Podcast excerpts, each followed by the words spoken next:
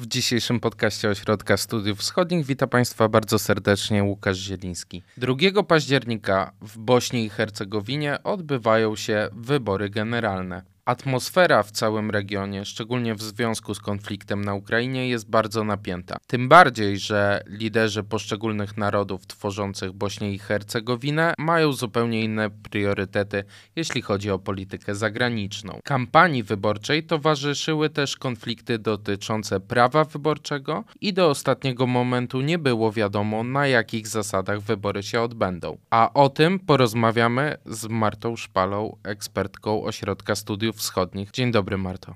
Dzień dobry, witam wszystkich. To jest podcast Ośrodka Studiów Wschodnich.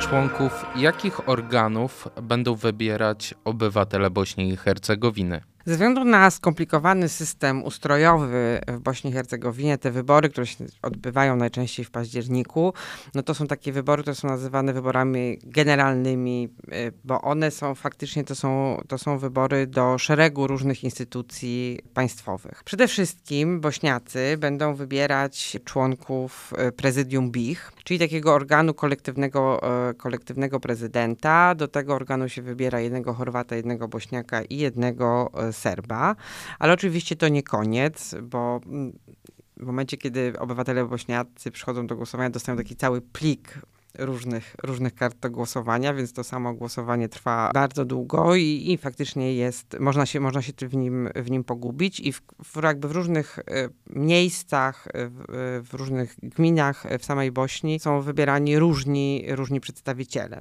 Prezydium BIH to jest coś, co łączy. Te oby, wybory się odbywają na terenie całego kraju, z tym, że kandydat serbski jest wybierany z Republiki Serbskiej, czyli jednym z dwóch członów Bośni i Hercegowiny. Natomiast federacja Federacji Bośni i Hercegowiny, czyli drugiej części Bośni, wybiera się chorwackiego i bośniackiego przedstawiciela właśnie do tego, do, do instytucji prezydium. Oprócz tego y, obywatele wybierają swoich przedstawicieli do niższej izby parlamentu Bośni i Hercegowiny. Tutaj mamy 42 członków tego, tego gremium i oni też są wybierani właśnie i z RS-u, i z federacji. Y, każdy, każdy z tych entitetów wybiera swoich, swoich przedstawicieli Później przechodzimy na ten poziom właśnie entitetów. W RS-ie, który jest zamieszkany głównie przez Serbów, wybiera się prezydenta i jego dwóch zastępców, e, a także właśnie niższą izbę, izbę parlamentu Republiki Serbskiej. W federacji wybiera się z kolei przedstawicieli do niższej izby parlamentu i jeszcze przedstawicieli do zgromadzeń kantonalnych, ponieważ federacja jest podzielona na takie bardzo autonomiczne jednostki zwane kantonami. Tutaj też mamy taki system, tam też są takie zgromadzenia, które mają charakter parlamentarny i do nich też się wybiera swoich przedstawicieli. No więc y, minimum cztery karty do głosowania na, róż, na różnej rangi instytucji wy, wy, wyborcy w BIH y, będą wybierać. Ten system jest faktycznie dość mocno skomplikowany i on też o, jest taki oparty na segregacji segregacji etnicznej, czyli jakby założenie jest takie, że każdy przedstawiciel każdego z trzech narodów tworzących, tworzących Bośnię, Serbów, Chorwatów yy, i Bośniaków, no po prostu będzie wybierał swoich yy, przedstawicieli. Tutaj zawsze powstaje takie pytanie, czy wybory yy, właśnie w Bośni coś zmieniają, ponieważ faktycznie to jest trochę tak i niektórzy tak żartują, że to jest po prostu pewna rekonfiguracja elit rządzących, no bo też trochę tak jest, że w związku z tym, że ten system jest skomplikowany, to czasami y, jedna partia jest na przykład w opozycji w, y, na poziomie kantonalnym, ale rządzi y, na poziomie entitetu czy na poziomie krajowym, więc jakby trudno też powiedzieć, kto jest de facto opozycją, a kto jest de facto partią, partią rządzącą. Takim czynnikiem, który wpływa na to, jak te wybory przebiegają, to jest też to, że, że jednak ten system system, y, tak jak in, w innych państwach bałkańskich, no on się jednak opiera na zawłaszczeniu państwa przez partie polityczne. To znaczy, że tutaj takim mm, atutem wyborczym partii, które rządzą na różnych poziomach jest to, że mają oni sieci popleczników, osób zatrudnionych w administracji, w instytucjach państwowych czy instytucjach kantonalnych, którzy z założenia głosują na właśnie partię rządzącą, bo przede wszystkim chcą mm. mieć, y, chcą, chcą utrzymać y, swoje miejsca pracy. Są takie badania, które pokazują, że tak naprawdę to tych miejsc pracy jest tyle, że one właściwie gwarantują reelekcję tym partiom, które właśnie akurat rządzą, aczkolwiek y, jest tam też dużo niepewności, o czym pewnie porozmawiamy. Sytuacja w Bośni i Hercegowinie była w ostatnim roku bardzo dynamiczna. E, zaczęto nawet mówić o poważnym ryzyku rozpadu państwa. Tak, znaczy te wybory odbywają się w bardzo trudnym momencie dla, dla państwa bośniackiego z kilku względów. Znaczy z jednej strony mamy tak, że od, już od, od wielu lat mamy do czynienia w Bośni z takim sojuszem określanym jako sojusz y, serbsko-chorwacki i tutaj mamy właśnie Serbów, władze Republiki Serbskiej, a z drugiej strony przywódców Chorwatów, którzy rządzą w kantonach zamieszkałych przez właśnie mniejszość chorwacką. No i też jakby uczestniczą y, w tej władzy na poziomie centralnym i na poziomie entitetu. I ten sojusz jak naprawdę ma na celu przede wszystkim osłabienie władz, władz centralnych i pogłębienie dysfunkcjonalności samej Bośni i Hercegowiny. No bo czym, czym mniej funkcjonalne są urzędy centralne, tym większą jakby swobodą cieszą się przywódcy etniczni właśnie, czy to jest RS, czy to są kantony, tutaj jakby władze centralne po prostu nie są w stanie przeprowadzić pewnych reform. Poza tym dla Serbów jeszcze, którzy wciąż mają takie ambicje separatystyczne, to te argumenty o dysfunkcjonalności państwa są wykorzystywane jako poparcie czy przekonywanie, szczególnie Zachodu, do tego, że Bośnia i Hercegowina powinna się rozpaść, że to jest państwo sztuczne. Przy czym to jest takie, jak powiedziałem, takie samospełniające się przepowiednia, czy że, że jakby jest to robione celowo, to znaczy zarówno Serbowie, jak i często też Chorwaci po prostu blokują pewne decyzje, żeby pokazać, że to państwo nie ma racji bytu, do czego, tak jak powiedziałam, e, sami się przyczyniają. Natomiast e, ten, ten proces e, doszło do pewnego jakby eskalacji tych tendencji, w zeszłym roku. W grudniu y, Milorad Dodik, lider Serbów w Bośni i Hercegowinie, jakby na fali takich różnych problemów y, wewnętrznych, które on ma rządząc właśnie w RS-ie, zdecydował się na taki bardzo radykalny plan, który właściwie oznaczał, jego wdrożenie właściwie oznaczałoby secesję y, Republiki Serbskiej. To znaczy był to taki moment, kiedy, kiedy faktycznie e, Milorad Dodik właśnie marzy o tym, żeby stworzyć niezależny entitet, czy niezależne mm. państwo w Republice Serbskiej. W związku z tym, że wie, że takie formalne ogłoszenie niepodległości mm, spo, spo, e, spotkałoby się jednak z radykalną reakcją Zachodu, postanowił to zrobić metodą jakby faktów dokonanych. To znaczy formalnie nie ogłaszać niepodległości, ale powołać instytucje takie na poziomie entitetu, które by faktycznie oznaczały, że to państwo jest, e, jest niezależne i też wycofać serbskich przedstawicieli z instytucji centralnych, czyli jakby państwo formalnie na papierze by istniało, ale jakby ta architektura instytucjonalna byłaby taka, że właściwie RS y, można byłoby uznać za niezależne państwo. Ten plan jakby, i to też jest taka trochę strategia y, Dodika, to jest taka strategia salami, że nie ogłasza się go, że się go wprowadza jakby w określonego dnia, tylko miał być to jakby stopniowy proces. No jednak wojna na Ukrainie pokrzyżowała te plany, no bo jednak tutaj na te plany secesjonistyczne Dodika zaczęto patrzeć bardzo krytycznie, szczególnie na Zachodzie. Wprowadzono też, y, zwiększono też y, kontyngent pokojowy w Bośni i Hercegowinie. No widać było, że, to, że, że, ta, że taka retoryka secesjonistyczna spotyka się z reakcją Zachodu. Niemniej jednak no Dodik cały czas mówi, że po wyborach ten plan wdroży, no więc jest to coś takiego, co wpływało na tą sytuację y, kampanii wyborczej, czy sytuację przedwyborczą w Bośni i Hercegowinie. Trzecim takim ważnym czynnikiem to jest oczywiście wojna na Ukrainie. Rosja jest takim graczem na Bałkanach, która od dawna wspiera lokalne dążenia separatystyczne, bo dysfunkcjonalna, słaba Bośnia i Hercegowina, no to jest tak, to coś, co jest dla Rosji bardzo korzystne, no bo właśnie zawsze tutaj można wspierać te napięcia, które, tutaj, które tam są, powodować, że Zachód jest zaangażowany w Bośni i Hercegowinie. Tutaj są jednak wiązane siły pokojowe, które wciąż są, są, są w Bośni. Jeśli mówimy o tym zaangażowaniu rosyjskim w Bośni i Hercegowinie, to też warto podkreślić, że to nie jest tak, że Rosja ma jakoś specjalnie duże wpływy. Rosja tam jest właściwie nieobecna ekonomicznie. Jeśli chodzi o uzależnienie surowcowe, ono jest bardzo niewielkie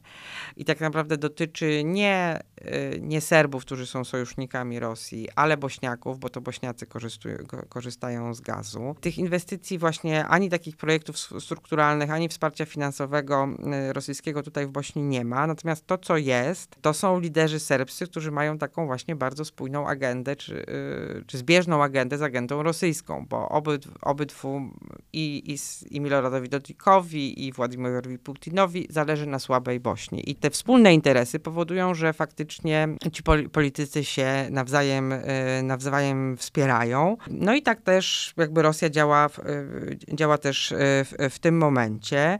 Wydawałoby się, że wojna na Ukrainie spowoduje, że mm, takie działania będą się spotykały z większym krytycyzmem Zachodu, ale jednak tak nie jest. I tutaj do, Milorad Dodik przez pewien moment na wiosnę się wycofał, jakby osłabił tą prorosyjską retorykę, jednak jak się okazało, że ta wojna na Ukrainie spowodowała jakby powrotu geopolitycznego Unii Europejskiej czy Stanów Zjednoczonych na Bałkany, no jakby to powrócił do swoich tradycyjnych, e, tradycyjnych haseł.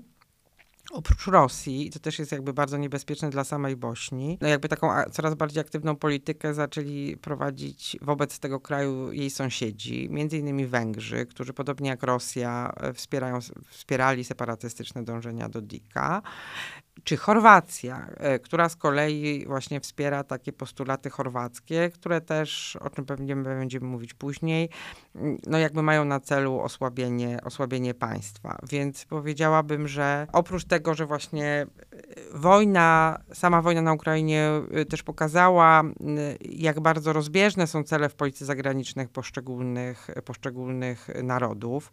Bośniacy tutaj bardzo mocno się opowiedzieli za sankcjami, za Zachodem. Natomiast Milorad Dodik w ostatnim okresie był dwukrotnie w Moskwie, co też pokazuje jego orientację geopolityczną.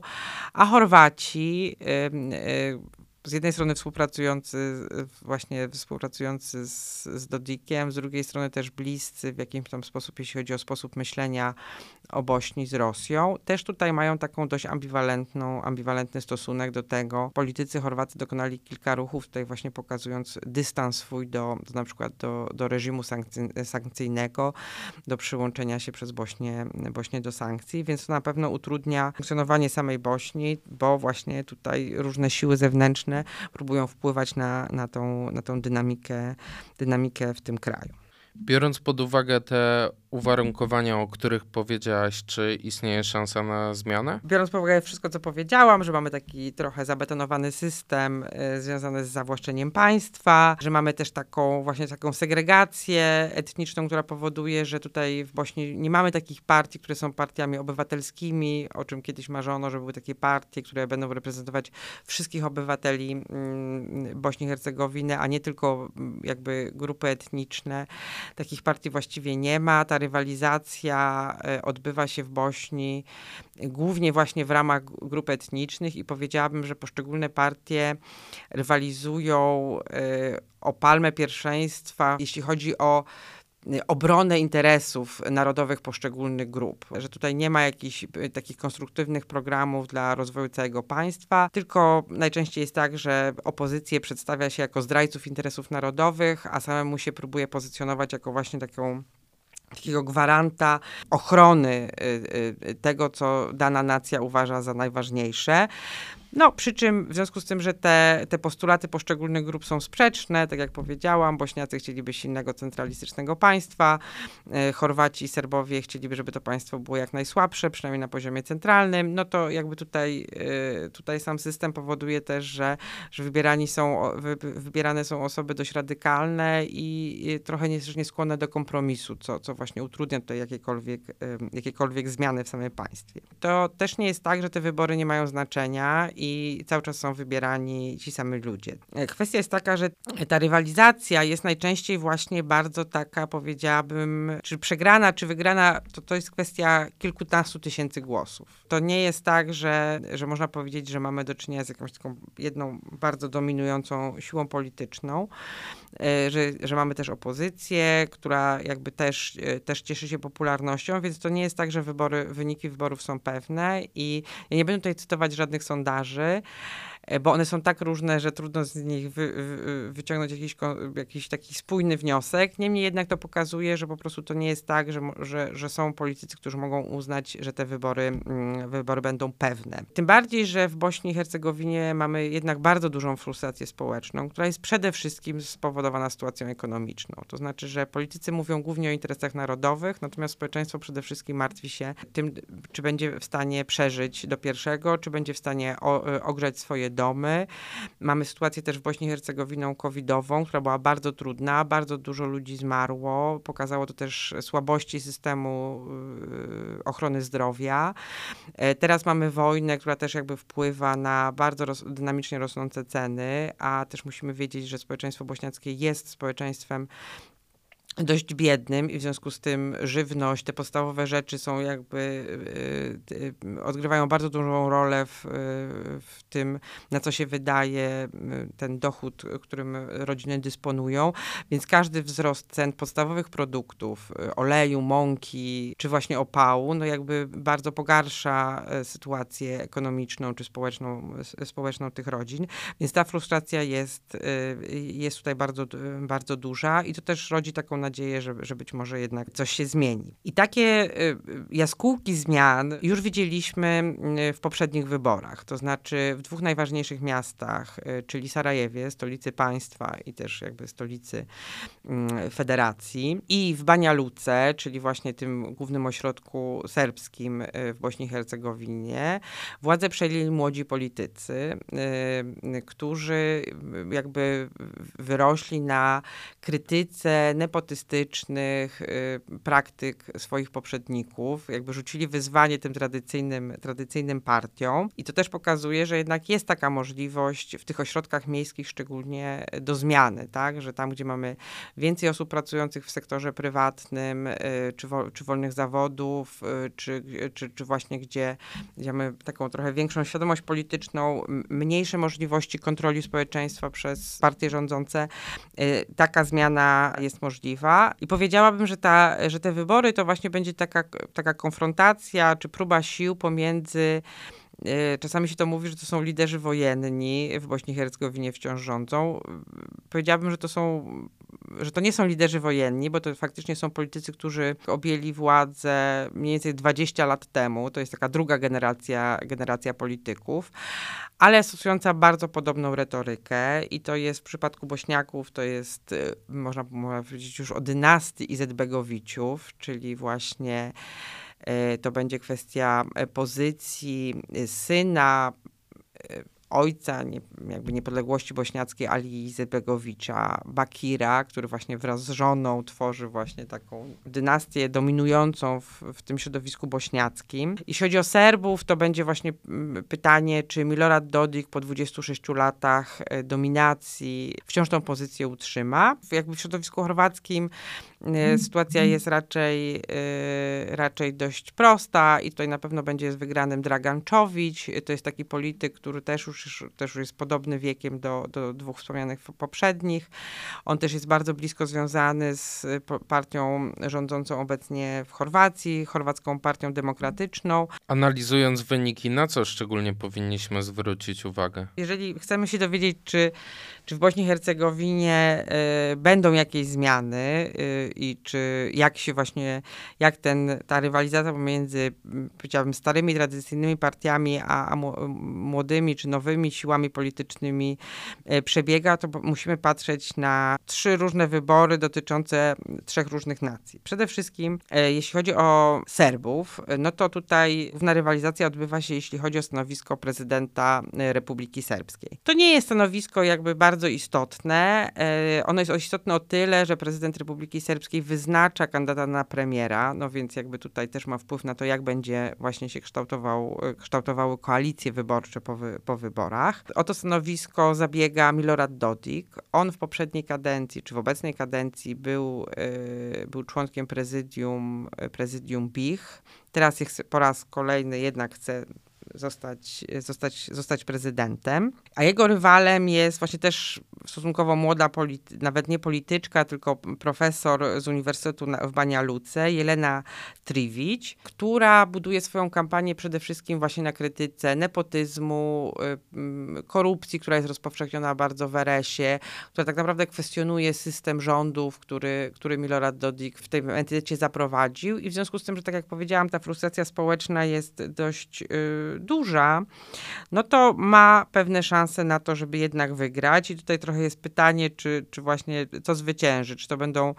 y, czy okaże się, że Milorad Dodik wciąż jest jednak w stanie kontrolować struktury, czy dzięki kontroli struktury, struktur, struktur państwowych jest w stanie kontrolować wyborców, czy jednak ta frustracja spowoduje, że ludzie będą jednak głosowali na kandydata y, opozycyjnego. Partia Milorada Dodika w kolejnych wyborach od 2006 roku, kiedy objął władzę, traci poparcie. Jeśli chodzi o tych dwóch kandydatów, to oczywiście jakby w kampanii wyborczej prezentują jakby dwa różne systemy, systemy rządzenia, natomiast oni niespecjalnie się różnią, jeśli chodzi na przykład o ocenę serbskiego zaangażowania w wojnę w Bośni i Hercegowinie, w stosunek do Bośniaków. Natomiast to też warto podkreślić, y, Trivić y, y, bardzo sceptycznie odnosi się do planów tych właśnie separatystycznych Milorada Dodika, no więc jest taka szansa, że jeżeli ona by wygrała, to tutaj te plany zostaną porzucone. Jeśli chodzi o Bośniaków, to są wybory, które właśnie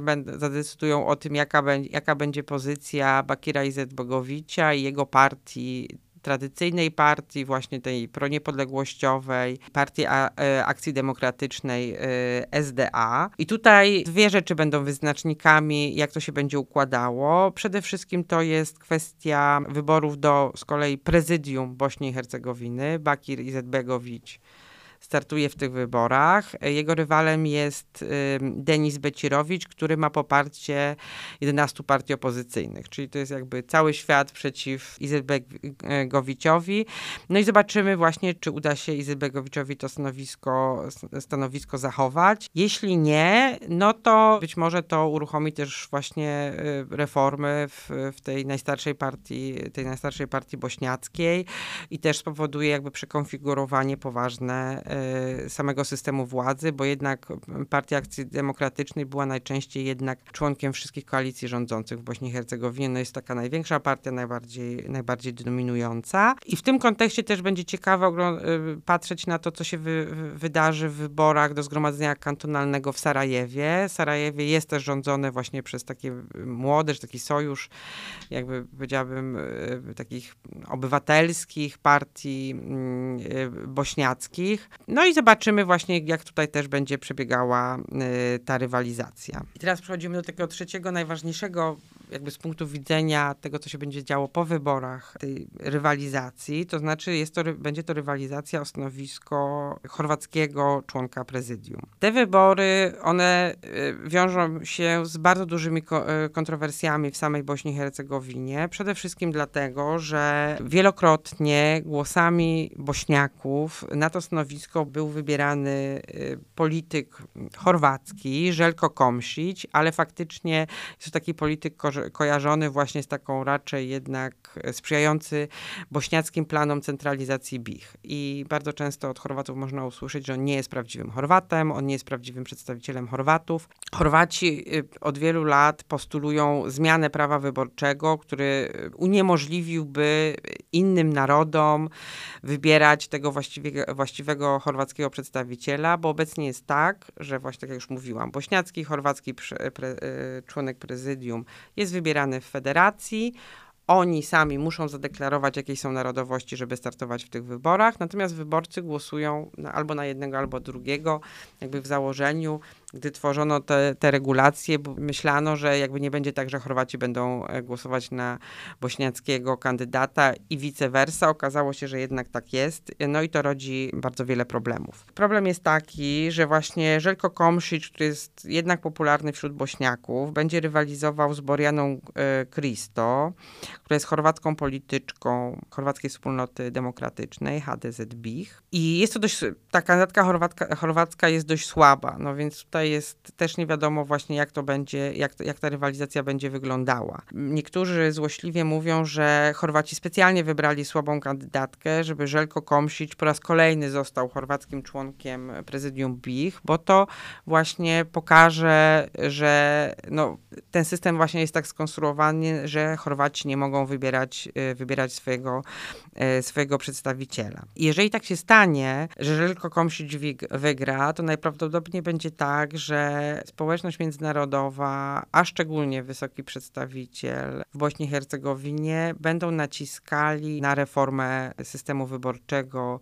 w tak, w taki sposób, żeby właśnie takiej, y, tak, tak, do takich sytuacji y, y, nie dochodziło. Jeżeli wygra y, Krysz, to, no to najprawdopodobniej będzie tak, że te, te chorwackie postulaty jakby trochę stracą rację bytu, no bo się okaże, że jednak Chorwaci mogą wybierać swojego przedstawiciela i tutaj zobaczymy. Natomiast to, co będzie ważne, to właśnie to, co się stanie, jeżeli jednak Żelko Komsić zostanie tym, tym kandydatem. Ponieważ wysoki przedstawiciel przed wyborami przedstawił taką propozycję reformy systemu wyborczego w Bośni i Hercegowinie, Mamy teraz w Bośni i Hercegowinie nowego wysokiego przedstawiciela, Krystiana Schmidta. Jego pozycja jest bardzo słaba, ponieważ on nie jest uznawany przez Rosję. Rosjanie uważają, że został wybrany z pogwałceniem y, zasad. Podobnie też uważają Serbowie. Natomiast on sam postanowił y, faktycznie jakby wykorzystać swój mandat i swoje uprawnienia do tego, żeby ten system wyborczy zmienić. Jednak trochę pomyśli Chorwatów. Więc będzie to taka trochę próba sił pomiędzy pośniakami, a właśnie wysokim, y, wysokim przedstawicielem. Ponieważ te propozycje przedstawione przez wysokiego przedstawiciela idą w taką stronę, w zupełnie inną stronę niż reformy, które miały, które kiedyś Unia Europejska czy Stany Zjednoczone proponowały dla Bośni i Hercegowiny. Bo faktycznie w Dayton i ten system wyborczy, o którym cały czas rozmawiamy, to jest taki system, który jest oparty na tym, że mamy partie etniczne, y, system wyborczy sprzyja, te, sprzyja temu, że są partie etniczne. Te reformy miały na celu tworzyć bardziej obywatelską Bośnię i Hercegowinę. To znaczy, żeby właśnie ten komponent etniczny przestał, przestawało mieć znaczenie, żeby to nie było tak, że Bośniacy głosują na swoich, Serbowie na swoich i Chorwaci na swoich. Co więcej, problemem w Bośni i Hercegowinie jest to, i to potwierdzają wyroki Trybunałów Międzynarodowych, że tak naprawdę ten system nie jest dostępny dla mniejszości narodowych. Znaczy, przedstawiciele mniejszości nie mogą kandydować na bardzo różne stanowiska, no bo one mogą być obsadzone przez Chorwata, Serba lub Bośniaka. I te reformy, właśnie takie bardziej y, idące w kierunku bardziej obywatelskiego systemu, temu miały temu problemowi zaradzić. Natomiast to, co proponuje wysoki przedstawiciel, to jest jeszcze większa segregacja. Żebyśmy nie tylko dzielili kandydatów etnicznie, ale też wyborców dzieliliśmy, y, żebyśmy dzielili etnicznie. Na to nie chcą się zgodzić Bośniacy. Jeżeli właśnie Żelko Komsić wygra, to tutaj są dwa scenariusze i obydwa są dla Bośni i Hercegowiny negatywne. To znaczy z jednej strony może być tak, że wysoki przedstawiciel mimo oporu partii bośniackich i bardzo dużych protestów, które są w Bośni w związku z jego propozycją, zdecyduje się jednak ją narzucić na mocy uprawnień bońskich, czyli takich właśnie uprawnień, że on może każdy akt prawny w Bośni i Hercegowinie nadać tak naprawdę. I na pewno będzie tak, że partie bośniackie będą kwestionować to rozwiązanie i powstanie dość duży chaos prawny. Druga opcja jest taka, że wysoki przedstawiciel wycofa się z tych, z tych propozycji, ale wtedy zapewne będzie tak, że z kolei partia chorwacka, HDZ, będzie przez bardzo długi czas blokowała powstanie rządu, domagając się spełnienia swoich postulatów, czyli właśnie wprowadzenia tej reformy wyborczej. Zesz przy zeszłym razem w wyborach w 2018 roku Chorwaci blokowali powołanie rządu przez ponad rok. Teraz może być to o wiele dłużej, więc to też będzie bardzo jakby negatywny, negatywny scenariusz y, dla, dla samej Bośni. No więc to są takie wybory, które formalnie jakby nie są, a może aż tak istotne, jeśli chodzi właśnie o system zarządzania państwem, ale symbolicznie jakby będą kształtowały, jakby wpłyną na to, co się będzie działo po wyborach. Konkludując, Bośnię czeka niepewna przyszłość. To prawda. E, Bośniaków wojna w Ukra- Bośniakom wojna w Ukrainie uświadomiła, jak kruchy jest ten pokój, który został e, wprowadzony w Europie po 1995 roku i że takie turbulencje mogą też e, dotknąć ich własny kraj.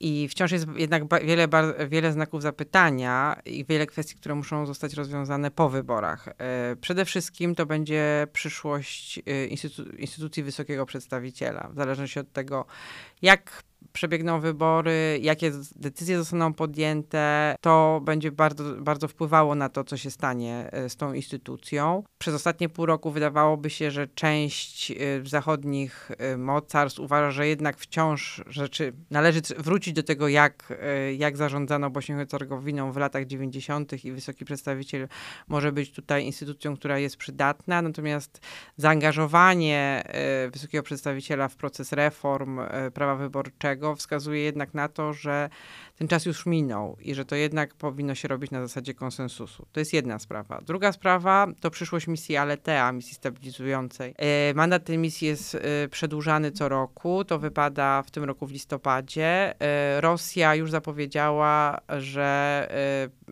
najprawdopodobniej nie zgodzi się na przedłużenie misji. Ta decyzja musi zapaść jednomyślnie w Radzie Bezpieczeństwa ONZ. No więc pytanie, jak będzie wyglądała ta obecność wojskowa w tym kraju, właśnie w tym trudnym czasie i jakie koncesje być może Zachód będzie musiał na rzecz Rosji dokonać, żeby, żeby tą zgodę od niej uzyskać. Trzecia rzecz to plany secesji Milorada Dodika, w zależności od tego, jaka będzie e, jego pozycja, czy będzie kontynuował te działania, które faktycznie mm, mają na celu jakby tak naprawdę doprowadzenie do tego, że państwo się rozpadnie taką właśnie w taki powolny sposób, y, czy jednak y, pójdzie to jednak wszystko w drugim kierunku. Powiedziałabym, że najbardziej te, czymś, co mnie niepokoi, jeśli chodzi o przyszłość Bośni i Hercegowiny, to jest to, że zdecydowanie brak wspólnej wizji na Zachodzie, jak reformować Bośnię i Hercegowinie i jak ta polityka wobec tego kraju powinna wyglądać. I właśnie dlatego ta polityka jest nieskuteczna. To znaczy faktycznie Rosja ma tutaj łatwiejsze zadanie, zawsze łatwiej jest burzyć niż budować, budować.